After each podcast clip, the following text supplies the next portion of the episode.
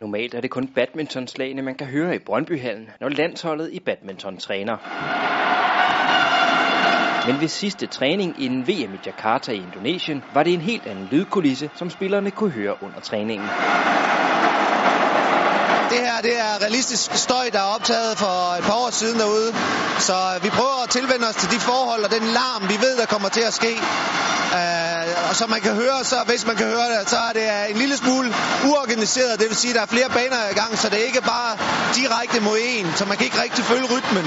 Og det er nogle af de ting, at spillerne de skal tage, tage hensyn til og kan kapere under, under VM.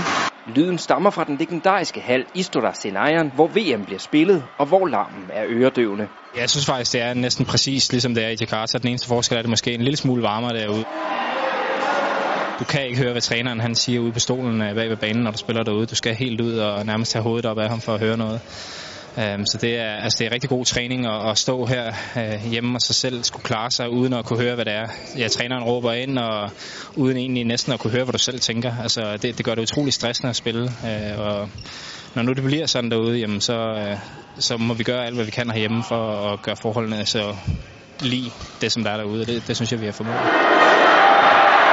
Og selvom Hans Christian Wittinghus og mange af de andre spillere før har spillet i hallen, så er det alligevel godt lige at få genopfrisket det hele inden afgang. Selvom man har været derude, jeg har været i Indonesien 10 gange, tror jeg måske, så, så er det stadig ja, næsten lige overraskende, hver gang du kommer derud og bliver ramt af den her øh, lydkulisse, øh, når du træder ind i hallen.